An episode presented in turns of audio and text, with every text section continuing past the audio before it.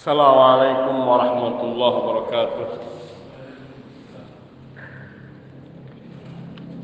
إن الحمد لله نحمده ونستعينه ونستغفره ونعوذ بالله من شرور أنفسنا وسيئات أعمالنا. من يهده الله فلا مضل له ومن يضلل فلا هادي له. واشهد ان لا اله الا الله وحده لا شريك له واشهد ان محمدا عبده ورسوله صلى الله عليه وعلى اله وصحبه وسلم تسليما كثيرا اما بعد اخواني في الدين عزني الله واياكم جميعا ورحمني ورحمكم Walhamdulillah kita telah memasuki bulan suci Ramadan yang penuh dengan keberkahan, penuh dengan segala kebaikan dan kita memanfaatkan pagi hari pagi hari Ramadan untuk kita melanjutkan kajian pagi kita yaitu kajian kitab Al-Qaul Mufid ala Kitab Tauhid. Masih melanjutkan bab yaitu bayanu syai'in min anwa'is sihri keterangan mengenai sesuatu dari jenis-jenis sihir atau macam-macam sihir hadis kedua yaitu hadis dari Ibnu Abbas radhiyallahu taala anhuma. Beliau berkata Rasulullah sallallahu alaihi wa alihi wasallam bersabda man katabasa syu'batan minan nujum faqad iktabasa syu'batan minas sihri zada ma zada man di sini syartiyah yakni kalimat syartiyah kalimat bersyarat yang artinya barang siapa? Ini kalimat bersyarat dan kalimat jawabnya adalah iktabasa. Faqad iktabasa. Maka sungguh ia telah menukil mengambil. Yakni maksudnya mempelajari sesuatu daripada daripada ilmu perbintangan. Manikta bahasa syu'bata minan nujum. Barang siapa yang mempelajari sesuatu daripada cabang pernujuman perbintangan maka sungguh ia telah mempelajari sebagian dari cabang-cabang kesihir. Sebanyak semakin ia memperbanyak mempelajari ilmu pernujuman maka semakin banyak pula ia mempelajari ilmu persihiran. Seperti yang telah kita sebutkan tentang hal ini bahwa mempelajari ilmu sihir itu sampai kepada hukumnya kafir karena ia termasuk perkara-perkara yang yakni dilakukan dengan bantuan dari syaitan dan yang demikian itu haram. Adapun mempelajari nujum perbintangan sebagaimana yang telah lalu berdasarkan firman Allah Subhanahu wa taala di dalam hadis qudsi Allah Subhanahu wa taala berfirman asbaha min ibadi mu'minun bi wa kafir ada hamba-hambaku yang ia memasuki pagi harinya beriman kepadaku dan ada yang ia kufur kepadaku yakni kepada Allah. Faman qala mutirna bi nawi kadza wa kadza yakni binajmi kada wa kada yani al matar yanzil minan najmi kada wa kada fa innahu kafirun bi mu'minun bil kaukab Man qala mutirna bi fadlillahi wa rahmati fadzalika mu'minun bi wa kafirun bil kaukab. Barang siapa yang ia mengatakan di pagi harinya kita telah mendapatkan hujan atau turun hujan kepada kita semalam karena bintang ini dan bintang ini. Karena bintang ini begini dan bintang ini begitu maksudnya adalah munculnya bintang dan tenggelamnya satu bintang tertentu. Maka sungguhnya orang yang mengatakan seperti ini ia telah kafir kepadaku dan beriman kepada bintang. Dan sebaliknya orang yang mengatakan mutir nabi fadlillahi wa rahmatih. Kita yakni kedatangan hujan atau kita mendapatkan hujan dengan karunia Allah dan dengan rahmatnya fadzalika mu'minun bi kafirun bil kaukab maka orang yang mengatakan demikian itu dia berarti beriman kepadaku yakni beriman kepada Allah dan kafir kepada kaukab yakni kafir kepada bintang. Karena sungguhnya bintang tidaklah menurunkan hujan tidaklah mendatangkan angin juga karena sungguhnya kesalahan kebanyakan manusia orang-orang yang awam yaitu ketika dia mengatakan habbatir rihu tola'an najmul fulani. Idza habbatir rih tola'an najmul fulani. Apabila angin sebelah ini bertiup maka akan muncul bintang ini dan itu. Maka sungguhnya bintang tidaklah memberikan pengaruh sedikit pun terhadap munculnya angin dan tidak pula sebaliknya hujan turun karena adanya bintang tertentu dan tertentu. Memang pada sebagian keadaan dan pada sebagian musim terdapat angin dan hujan. Seperti musim hujan, musim angin kencang, namun itu adalah suatu keadaan yang bukan menjadi sebab utama, bukan menjadi sebab utama munculnya atau adanya angin ataupun hujan.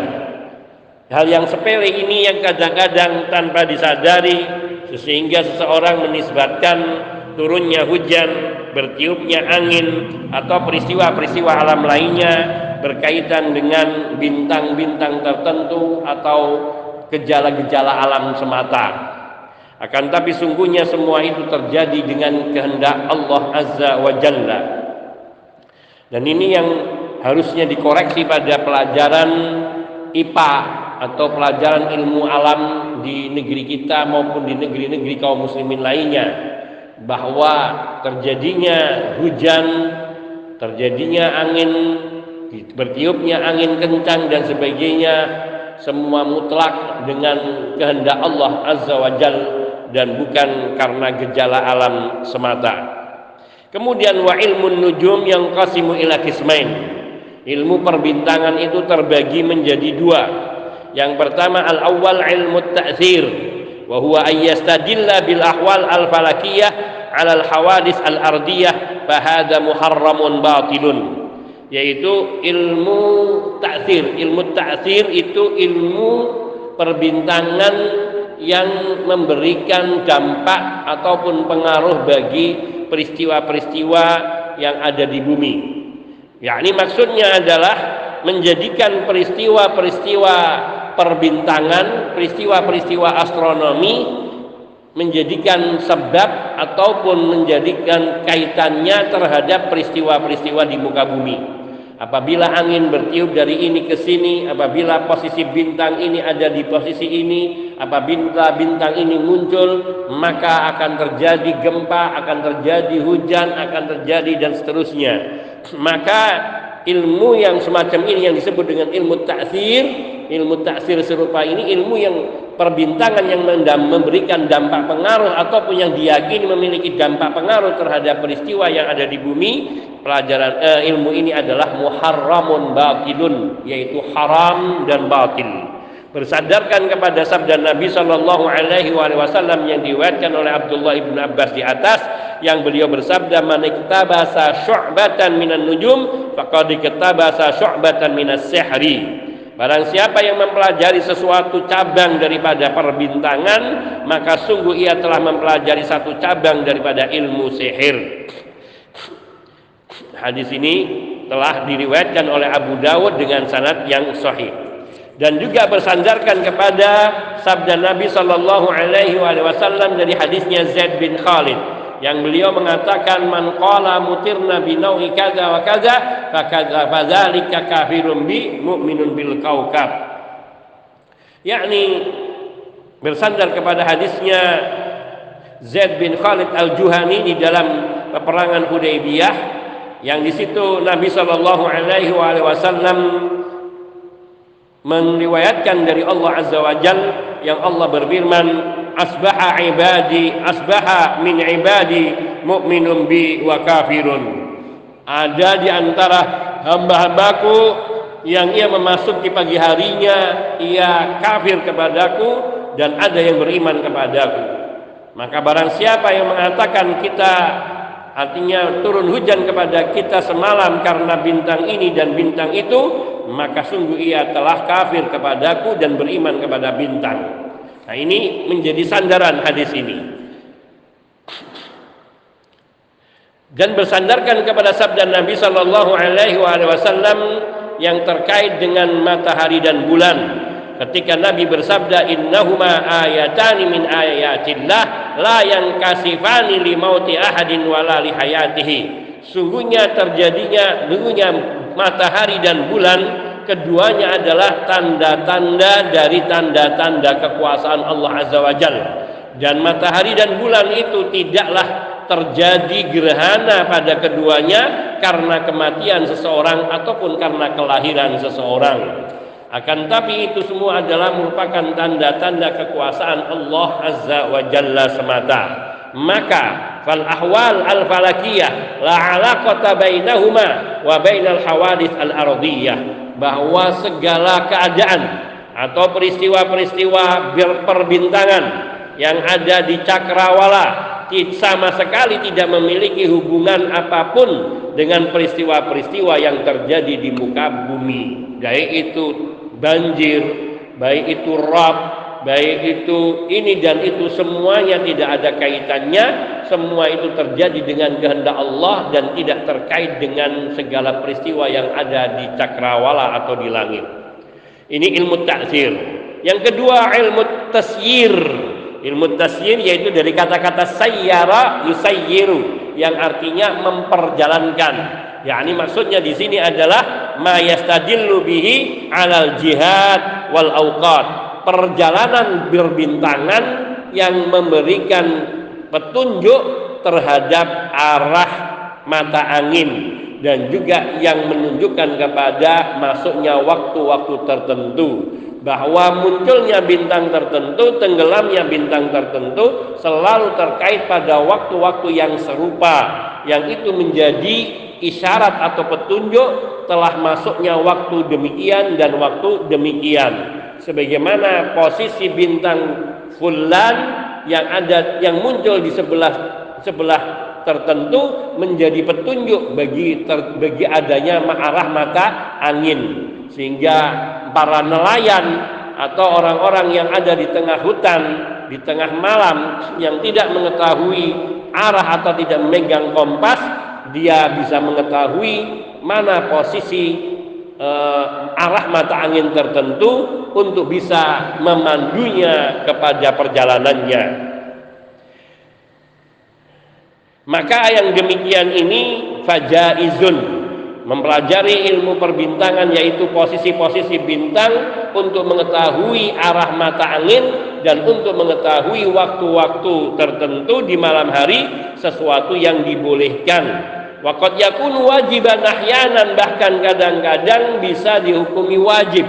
Ketika seseorang memang ia bekerja di di di lautan sehingga dia tahu di mana arah posisi e, barat atau posisi kiblat sehingga dia bisa melaksanakan sholat secara benar. Dan juga untuk mengetahui masuknya waktu maghrib dan juga masuknya waktu isya atau berakhirnya waktu maghrib dan masuknya waktu isya sehingga dia tidak ke, tidak tertinggal pelaksanaan sholat-sholat fardunya. Demikian pula juga memasukinya waktu subuh fajar sadik. Ini juga terkait dengan keadaan falakiyah, keadaan langit atau cakrawala langit, terutama menjelang terbitnya fajar sadik. Maka kadang-kadang pada satu keadaan tertentu mempelajari hal ini menjadi wajib. Setidaknya ia adalah fardu kifayah, yaitu wajib pada sebagian kaum muslimin untuk membantu kaum muslimin lainnya di dalam menentukan hukum. Kama qala al-fuqaha sebagaimana dikatakan oleh para il, para ulama para ulama fikih, idza dakhala waktu shalah yajibu 'alal insan ayyata'allama alamatil kiblah minan nujum wasyams wal qamar. Apabila telah masuk waktu sholat maka wajib bagi seseorang untuk mempelajari tanda-tanda arah kiblat melalui bintang matahari dan bulan. Karena dengan terjadinya perubahan di alam kita bisa mengetahui seperti matahari dari mana ia terbit dan ke mana ia terbenam dan posisi matahari juga kadang menentukan waktu sudah masuknya duhur atau belum berakhirnya waktu duhur atau memasukinya waktu asar. Ini semua patut diketahui. Dan posisi terbenamnya matahari bisa membantu kita di mana posisi kiblat. Sebagaimana juga mata bulan ketika ia muncul untuk mengetahui awal waktu bulan awal bulan hijriyah atau akhir dari bulan hijriyah karena Nabi Shallallahu Alaihi Wasallam mengkaitkan perintah wajib berpuasa dan berbuka dengan melihat hilal sumu li ru'yati wa aftiru li ru'yatihi berpuasalah kalian dengan melihat hilal yaitu hilal bulan Ramadan dan berbukalah kalian dengan melihat yakni e, hilalnya bulan Syawal. Maka ini membantu juga termasuk pelaksanaan ibadah haji ini juga harus diketahui melalui yaitu awal bulan hijriyahnya yakni bulan Dzulhijjah dan itu yang yang menjadi kewajiban bagi kaum muslimin untuk mengetahui arah atau matahari bulan sebagai alat untuk membantu mengetahui masuknya waktu-waktu ibadah-ibadah bagi kaum muslimin. Kalau Allah Ta'ala fi kitabil aziz Allah Ta'ala berfirman di dalam surat An-Nahl ayat 15 wa alqa fil ardi rawasiya an tamida bikum wa anharan wa subulan la'allakum tahtadun. Dan Allah Subhanahu wa taala alqa fil ardi yakni menancapkan di bumi ini rawasiya pancangan-pancangan pasak-pasak pancangan ini gunung-gunung. Antamida bikum untuk mengokohkan posisi bumi bumi kalian. Adanya gunung-gunung sebagai paku pasak yang mengokohkan bumi ini untuk tidak mudah goncang. Itu fungsi daripada gunung. Wa anharan dan Allah membentangkan sungai-sungai wa subulan dan juga perjalanan bintang-bintang. La'allakum tahtadun agar kalian dapat memperoleh petunjuk arah. Dengan adanya perjalanan bintang dari satu arah ke arah dan juga pergeseran matahari dari satu arah ke arah demikian pula bulan. Itu semua membantu bagi manusia untuk mengetahui arah-arah di dalam kehidupannya sehari-hari falamma dzakarallahu al-alamatil ardiyah intaqala ilal alamati samawiyah. Ketika Allah Subhanahu wa taala wa anharan wa subulan yakni Allah membentangkan sungai-sungai dan juga jalan-jalan untuk menjadi petunjuk bagi kalian. Maka kemudian ketika Allah menunjukkan tanda-tanda yang ada di bumi kemudian Allah beralih menunjukkan kepada tanda-tanda yang ada di langit yaitu pada ayat berikutnya surat An-Nahl ayat 16 Allah tabaraka wa taala berfirman wa alamatin wa bin najmihum yahtadun. Dan Allah juga memberikan tanda-tanda yaitu dengan bintang agar mereka mendapatkan petunjuk yaitu petunjuk arah ke mana mereka hendak bertujuan atau hendak pergi atau hendak kembali. Falistidlalu bihadi nujum alal azman la ba'sa bihi. Maka menjadikan bintang-bintang ini sebagai alat penunjuk untuk mengetahui waktu maka yang demikian ini dibolehkan tidak mengapa mitla ayukal seperti dikatakan idza tala'a an najmul fulani dakhala waktu sain wa dakhala waktu rabi. Apabila terbit bulan uh, terbit bintang fulani bintang ini maka ini menunjukkan telah masuknya waktu yaitu waktu naik pasang waktu pasang. Wadakhala waktu rabi dan juga telah menunjukkan masuknya waktu musim semi dan seterusnya maka yang demikian ini wa kadzalika alal amakin. Demikian pula tanda-tanda yang Allah tunjukkan melalui lang, melalui bintang-bintang dan bulan matahari ini untuk menunjukkan tempat-tempat ataupun arah kiblat seperti arah kiblat utara, selatan, timur, barat. Maka ini semua yang dapat membantu bagi manusia di dalam kehidupannya.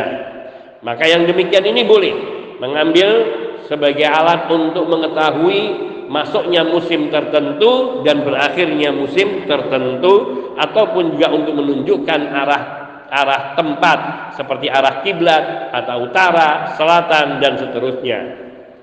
Adapun makna sabda Nabi sallallahu alaihi wasallam faman katabasa faqad katabasa syu'batan minas sihri zada ma zada al muradu bis sihri huna wa huwa a'ammu minas sihril ma'ruf maka sungguh ia telah mempelajari sebagian dari cabang ilmu sihir zada ma zada semakin ia mempelajari, mempelajari tentang ilmu perbintangan semakin banyak pula ia mempelajari ilmu sihir yang dimaksudkan sihir di sini yaitu yang lebih umum daripada sihir yang kita kenal.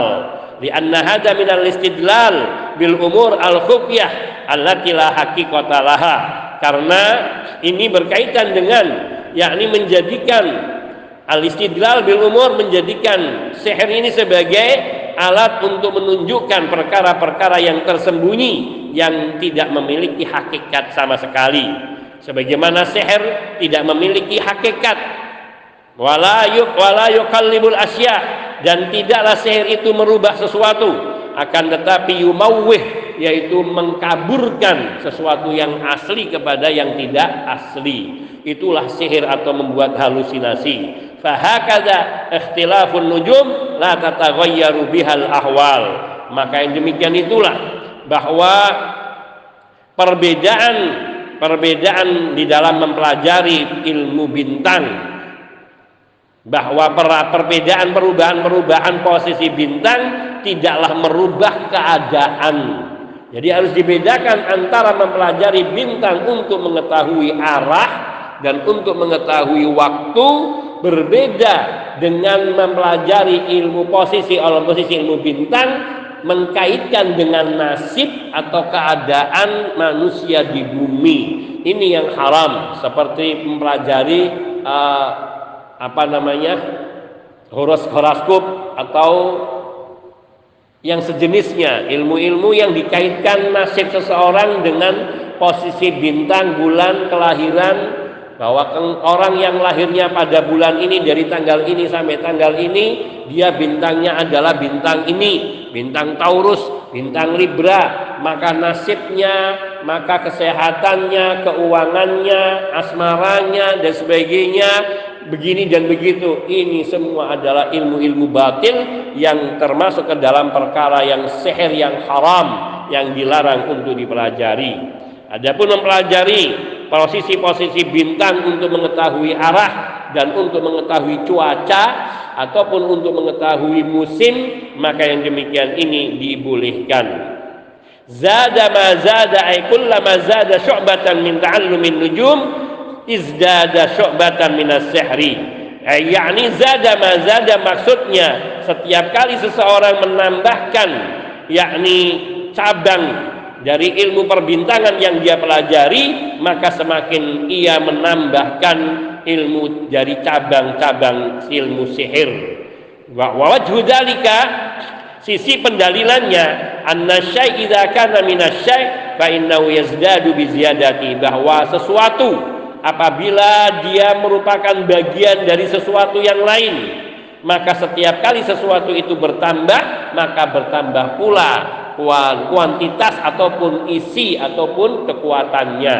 Maka karena Nabi mengatakan barang siapa yang mempelajari sesuatu daripada ilmu perbintangan maka sungguh ia telah mempelajari sesuatu dari ilmu persihiran sehingga semakin seseorang menambahkan ilmu tentang perbintangan dia semakin mendalami ilmu sihir Inilah maksud zada mazada. Semakin ia mendalami ilmu perbintangan, ia akan semakin mendalam di dalam ilmu sihirnya.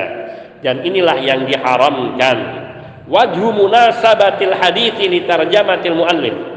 Nah, hadis yang disebutkan oleh Nabi Shallallahu Alaihi Wasallam dari riwayat Abdullah ibn Abbas ini memiliki kesesuaian dengan judul bab yaitu keterangan mengenai sesuatu dari macam-macam sihir.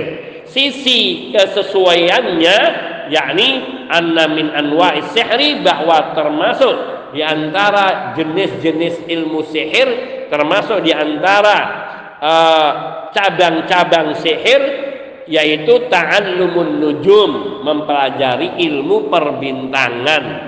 Yakni ilmu perbintangan yang termasuk kategori ilmu ta'thir yaitu menganggap meyakini bahwa posisi bintang tertentu atau pergeseran bintang tertentu dapat memberikan pengaruh kepada keadaan atau nasib manusia yang di muka bumi ini yang diharamkan yang dilarang di dalam hadis ini liyastadilla biya alal hawadith al ardiyah yaitu mempelajari ilmu perbintangan yang tujuannya untuk menunjukkan peristiwa-peristiwa yang akan terjadi di muka bumi. Wa hadzal hadits wa in kana dha'ifas sanad meskipun hadis ini dikatakan lemah sanatnya min haitsul makna sahih akan tapi dari sisi maknanya hadis ini adalah hadis yang sahih. Tashhadu lahu an nusus al ukhra yang kebenaran maknanya ini dikuatkan dengan nas-nas lainnya dalil-dalil yang lainnya seperti hadisnya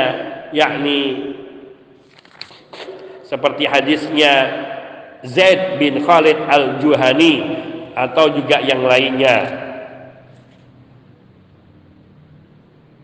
Namun Syekh Al-Albani rahimahullahu taala terhadap hadis ini beliau memberikan komentar bahwa hadis ini diriwayatkan oleh Abu Dawud juga Ibnu Majah dan Imam Ahmad serta Imam Al-Baihaqi, Ibnu Abi Syaibah serta selain mereka dari hadisnya Ibnu Abbas radhiyallahu taala anhuma dan Syekh Al-Albani rahimahullahu taala mensahihkan hadis ini di dalam Sahihul Jami' maka dengan demikian walhamdulillah hadis ini menurut penilaian dari Syekh Muhammad Nasiruddin Al-Albani rahimahullah adalah hadis yang sahih sehingga hadis ini secara makna sahih dan juga secara sanad pun dia sahih. Hada wa naktafi dan kita cukupkan sampai di sini. Wa insyaallah kita akan lanjutkan kepada hadis yang ketiga, hadis yang terkait dalam masalah macam-macam ilmu sihir yaitu hadis Nabi dari Abu Hurairah radhiyallahu taala yang beliau berkata man aqada uqdatan summa nafatha fiha faqad sahara. Wa man sahara faqad asyraka. Wa man ta'allaqa syai'an wukila ilaihi barang siapa yang membuat buhul tertentu yakni suatu buhul ikatan buhul kemudian dia meniupkan yakni mantra-mantra pada buhul tersebut maka sungguh ia telah berbuat sihir. Dan barang siapa yang telah berbuat sihir berarti dia telah berbuat syirik wa man ta'allaqa syai'an dan barang siapa yang ia menggantungkan hatinya terhadap sesuatu wukila ilaihi maka hatinya akan diserahkan kepada sesuatu yang dia jadikan sebagai gantungannya. Insyaallah hadis ini akan kita bahas. Meskipun riwayatnya ini didoaifkan oleh Syekh Al-Albani rahimahullah akan tapi ada riwayat-riwayat lain yang menguatkan dari matan hadis ini sehingga insya Allah hadis ini matannya menjadi kuat. Hada wa naktafi kita cukupkan insyaallah taala. Hada wa sallallahu wasallam ala nabiyina Muhammadin wa alihi wa ajmain walhamdulillahi rabbil alamin. Subhanakallahumma bihamdika asyhadu an la ilaha illa anta astaghfiruka wa atubu ilaik. Assalamualaikum warahmatullahi wabarakatuh.